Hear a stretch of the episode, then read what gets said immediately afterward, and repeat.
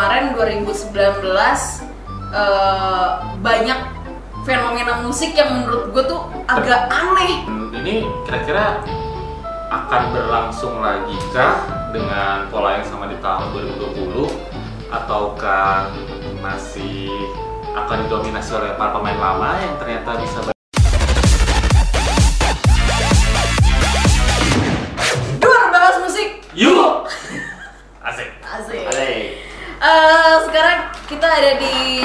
episode kesekian di tempatnya Mahakarya. Eh, ini kan udah memasuki tahun baru kemarin 2019 eh, banyak fenomena musik yang menurut gue tuh agak aneh out of the box kayak tiba-tiba dan juga eh, sebenarnya karena digitalnya juga lagi kenceng kali ya. Yes. Maksudnya pergerakan eh, industri di digital di sosial media atau itu di digital streaming platform tuh emang lagi kencang-kencangnya 2019 itu.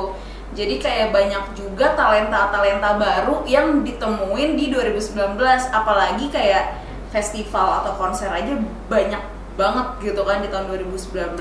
Karena eh, di digital streaming platform itu jadi banyak nama-nama baru kan yang bermunculan di eh, tahun 2019 ya emang mungkin mereka emang startnya nggak di 2019 tapi 2019 itu mereka namanya mulai semakin naik. Contohnya kayak Pamungkas ada Ya, Hindia Hindia juga, Baskara, ya kan? ada Firsa Firsa Besari. Besari. Nah, di semua bener. ya. Iya. kayak ya dari apalagi dari indie gitu kan Hmm. bahkan eh, Feby Putri gitu-gitu juga berawal dari digital gitu Betul. kan Nah itu dia dan ini kira-kira akan berlangsung lagi kah dengan pola yang sama di tahun 2020 ataukah masih akan didominasi oleh para pemain lama yang ternyata bisa balik lagi dengan materi baru Mm-mm. atau gue nggak tahu sih tapi kalau menurut gua sih eh, bukan berarti kayak kayak, kayak si Pamungkas, India atau si Firsa Besari ini eh, bisa dibilang kayak wah ada yang baru-baru nih tapi ngeliatnya adalah banyak banget yang dulu musiknya mungkin buat kita berasa kayak indie banget nih gitu Mm-mm. sekarang ya emang eranya musik keren ya Iya, Ah, iya, iya. Benar-benar.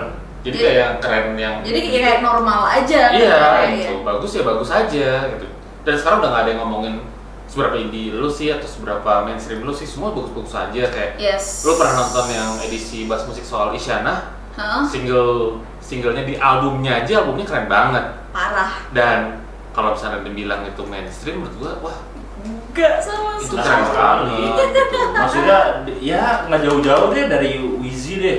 Album Iya. Wheezy gitu kan yang A colors Colors itu buat gue ya kita tahu Wheezy lah sebelumnya dia nyanyinya lagu lagu seperti apa dan nyanyinya seperti apa Pop gitu. banget Pop aja ya. banget, terus Iya, iya, iya. Belet-belet yang melo-melo gitu.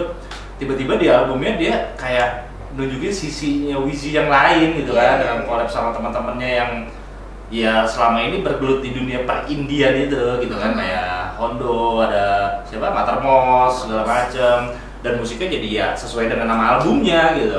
Dan buat gue itu musik bagus bukan yang dibilang wah jadi indie ya gitu. Enggak sih maksudnya ya dia kayak sisi idealisnya si Wheezy aja aja Azan maghrib apa zuhur nih? Lu di tahun 2020 akan ada yang baru lagi nggak sih? Atau pasti.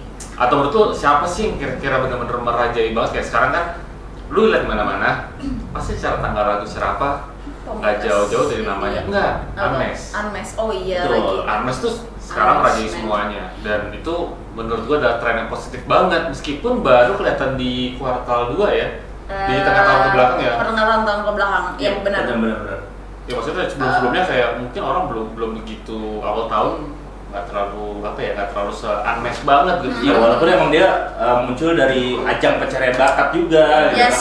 Betul. tapi ya orang aware pas pecahnya single keduanya yang cinta luar biasa Cinta luar biasa juga udah benar yang dibilang Brody tadi udah kuartal kedua baru baru merasakan pecah gitu dan Hmm. itu pun dibarengi sama yang kita bahas di awal si personal-personal yang emang ada di apa ya gue sih nyebutnya garis kiri sih maksudnya musik-musik Hmm. Garis kiri. musisi gitu kan ya dibanding gue nyebutnya mereka indie tapi gue nyebutnya ke situ aja lah yang bukan mainstream gitu gitu tapi siapa sih eh, kalau menurut lu kira-kira yang tahun ini tuh berasa banget Mhm. eh, artis yang lu ke mana-mana lu hampir tiap hari iya. Selalu gue ada gitu. ini sih Unmesh itu udah pasti Hmm. secara Unmesh emang mainstream kan tapi Ya. Hindia menurut gue tuh Ya. kayak something new sih maksudnya gue ke coffee shop aja gue pernah nih ke coffee shop dia muterin satu Album. albumnya eh enggak satu album sih waktu itu albumnya belum rilis tapi single-single Hindia yang udah dikeluarin diputerin semuanya coy gue kayak wow ini coffee shop padahal jadi kayak semua orang emang udah muterin Hindia di 2019 itu dan dan menurut gue kayak eh, si anak-anak indie ini eh, akan memicu semangat para musisi lainnya untuk terus berkarya gitu. Iya, terus berkarya dan mereka kayak punya peluang lagi Yes. untuk berka- apa untuk masuk ke industri musik. Soalnya kan selama Yep. ini kita sama-sama tahu lah. Musik Indonesia dikuasai sama musik-musik mainstream gitu kan. Hmm, sama label-label label besar, besar. gitu dan terus di kayak pecah telur sama 420 bener gak sih? 420 Yes. dua tahun yang lalu. Eh tahun lalu ya? Uh, 420 Dua tahun yang lalu. terus diikuti sama musisi-musisi yang lain. Terus Iya, belakangan ada India, ada Fish, ada Pamungkas gitu. Dan kayak wah ternyata musik kita bisa diterima nih sama masyarakat. Yang penting kita uh, serius, tekun, musiknya Hmm. bagus dan mewakili perasaan orang. Iya. lu punya peluang untuk gitu gitu sih. Gue lupa nyebut ya, ada Punto Aji juga men, walaupun albumnya di akhir 2018 tapi tuh dia Ya. Betul. pecah bangetnya 2019 gitu kan walaupun ya Punto Aji juga nggak indie juga sebenarnya. iya dan dia besarnya juga kan dari dari ya iya dari gitu ajang kan. pencarian bakat juga Terus- tapi eh, ya 2019 ini sangat dihiasi oleh lagu-lagu Hindia dan Kunto Aji sih kalau dari timeline gue ya maksudnya karena gue masih main Twitter Twitter gitu itu eh, Spotify juga kerap kali gitu kan ada jadi eh, cover dari eh, entah itu weekend apa? Yang weekend weekend apa weekend kayak sebutan ya? Gitu deh Ya, sampai weekend hari. atau apa gitu. Pokoknya playlist playlist Spotify ada aja gitu muka-muka mereka itu itu sih. Kalau gue sih lebih penasaran adalah dulu kan pas uh, salah satu ajang musik di uh, tengah tahun, ke akhir tahun, yang dibikin sama salah satu label yang cukup kiri banget di industri ini, kita sebut aja namanya Synchronize. Nah itu kan banyak menurut gue pada akhirnya yang lebih kiri dibanding itu. Nah itu mewakili apa ya, yang mungkin lu cuma lihat di Spotify atau di YouTube, misalnya kayak si Didi Kempot. Nah, terus tiba-tiba ada juga kayak lu bisa denger Denny Cakman juga Iya, atau iya, misalnya iya. kayak lu si Mundur Alon-Alon. Nah, atau ya kayak si Kartonya Nomen Dot Janji itu kan banyak juga tuh yang kayak ada ya? Emang Ada yang ya, Ada yang denger ya? Itu tiba-tiba mencuat di semuanya dan menurut gua itu yang berasa paling edgy banget. Iya sih. tiba-tiba ada yang kayak gitu dan lu dengerin.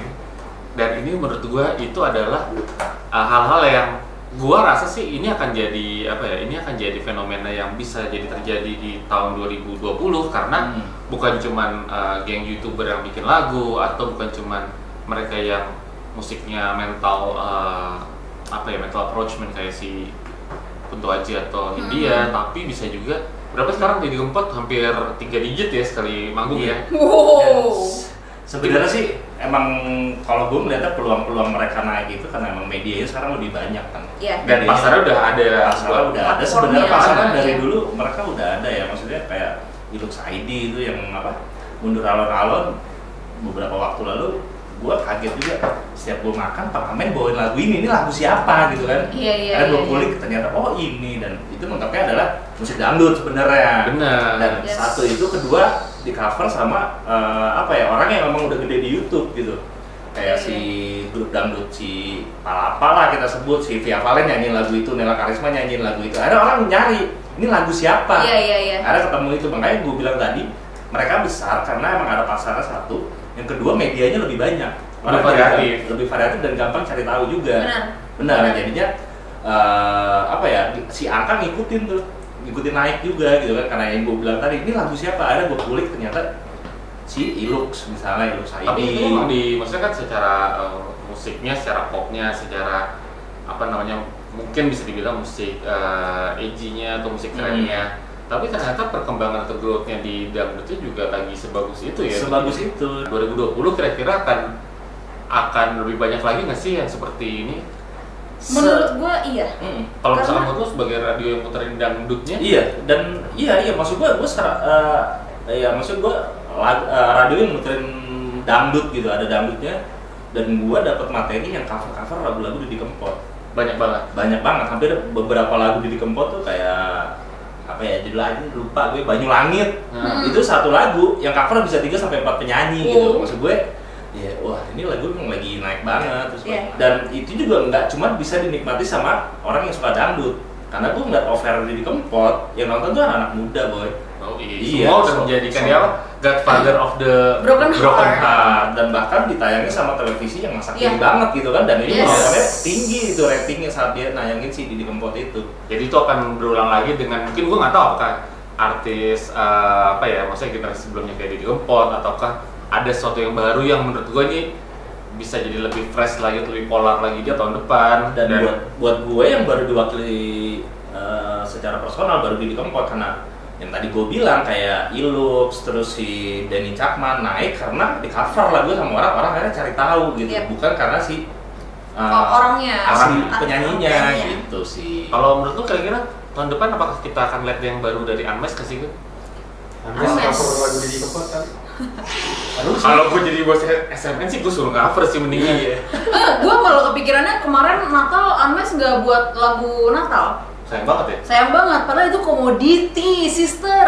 Oh, sibuk kayaknya dia Kayaknya sibak, sibak rambut. saya sapi dia Tapi ya pokoknya harapan kita lah semua musisi yang akan tumbuh dan akan Berkembang di 2020. Hmm. pasti akan bawa warna baru lebih keren buat Yes, gue, Indonesia. gue, dan- gue nungguin banget.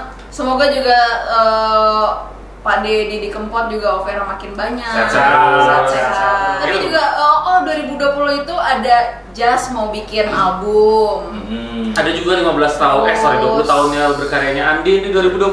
Oh iya, ada Oh iya, album baru. Yang baru. BCL mau bikin Sama Sofus kayaknya 15 tahun juga tahun 2020. Iya. Oh iya, Pokoknya banyak kejutan di 2020 pokoknya kita eh, tungguin aja Yes. bakal seperti apa. Semakin banyak artis yang bisa diajak buat main di MRT juga kali. Nah, Jadi- jangan lupa tuh itu yang paling penting sih menurut Di gua. kempot sih Gun. Di Kempot sih, Gun. sih lalu datengin kayaknya. Gak sanggup bang tiga digit. Kita doakan yang terbaik dan kita pasti akan eh, nungguin kira-kira siapa lagi sih yang akan menghibur dan mewarnai belantika musik Indonesia, Indonesia. di tahun depan dan seperti kata-kata kita kalau lagi habis hearing ya Jen ya. Iya, selamat datang Selamat di datang di Belantika Musik Indonesia. Indonesia. Kita ketemu lagi di bahas musik selanjutnya, tapi sebelumnya kita mau terima kasih buat tempatnya dulu. Mahakarya. Terima Dan kasih. jangan lupa like, komen, Subscribe, Subscribe. nyalakan Tapi komennya juga yang baik-baik kalau kata Gopar. nyalakan loncengnya. notifikasi. Yes. Sampai ketemu lagi di episode selanjutnya tetap di Bahas Bahas musik. musik. Yuk.